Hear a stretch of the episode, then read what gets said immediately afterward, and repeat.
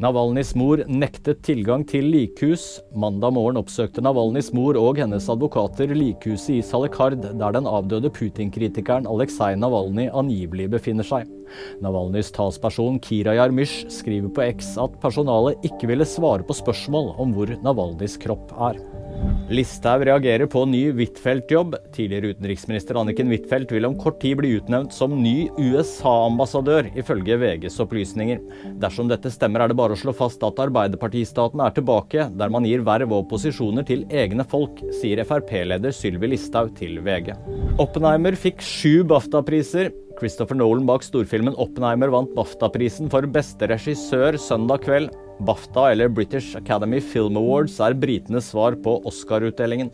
Storfilmen 'Oppenheimer' var nominert i 13 kategorier og fikk sju priser, skriver NTB. Nyheter finner du alltid på VG.